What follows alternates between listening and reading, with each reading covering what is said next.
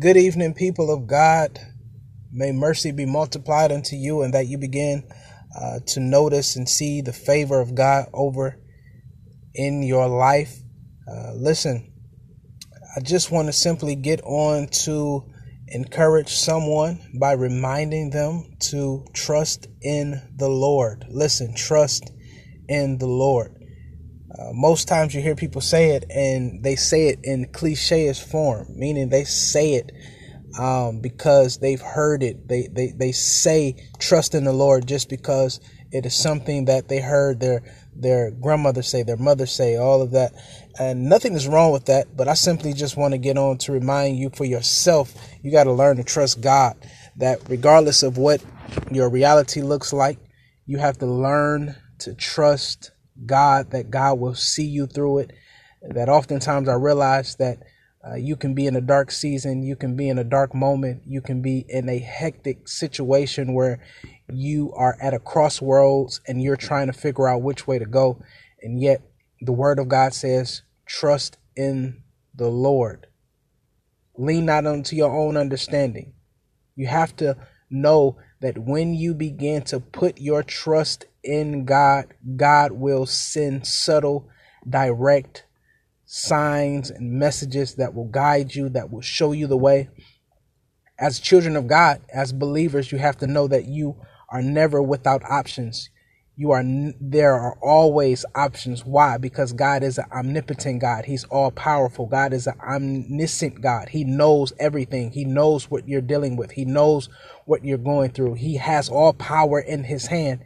And yet he would not leave his children at a dead end with no way out.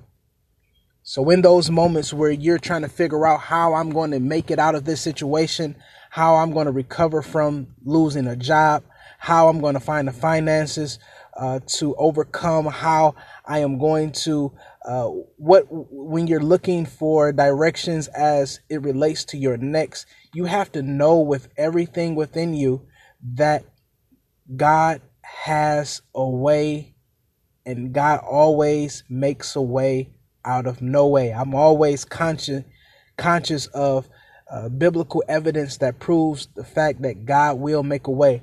And one of those ways he made in biblical times, it is in the Exodus account when God heard the cry of his people, the children of Israel, and they're crying and they're in Egyptian uh, slavery. They're oppressed. They're being being beaten. They're uh, being battered. They're bloody. They're they're worn down, and yet uh, God heard their cry. They're crying to God, and God finally began to move on their prayers. He lifts up a leader by the name of Moses, and he uh, tell Moses, "I want you to be on assignment to liberate my people. I want you to be the one to bring my people out of Egyptian slavery into freedom and take them into the promised land."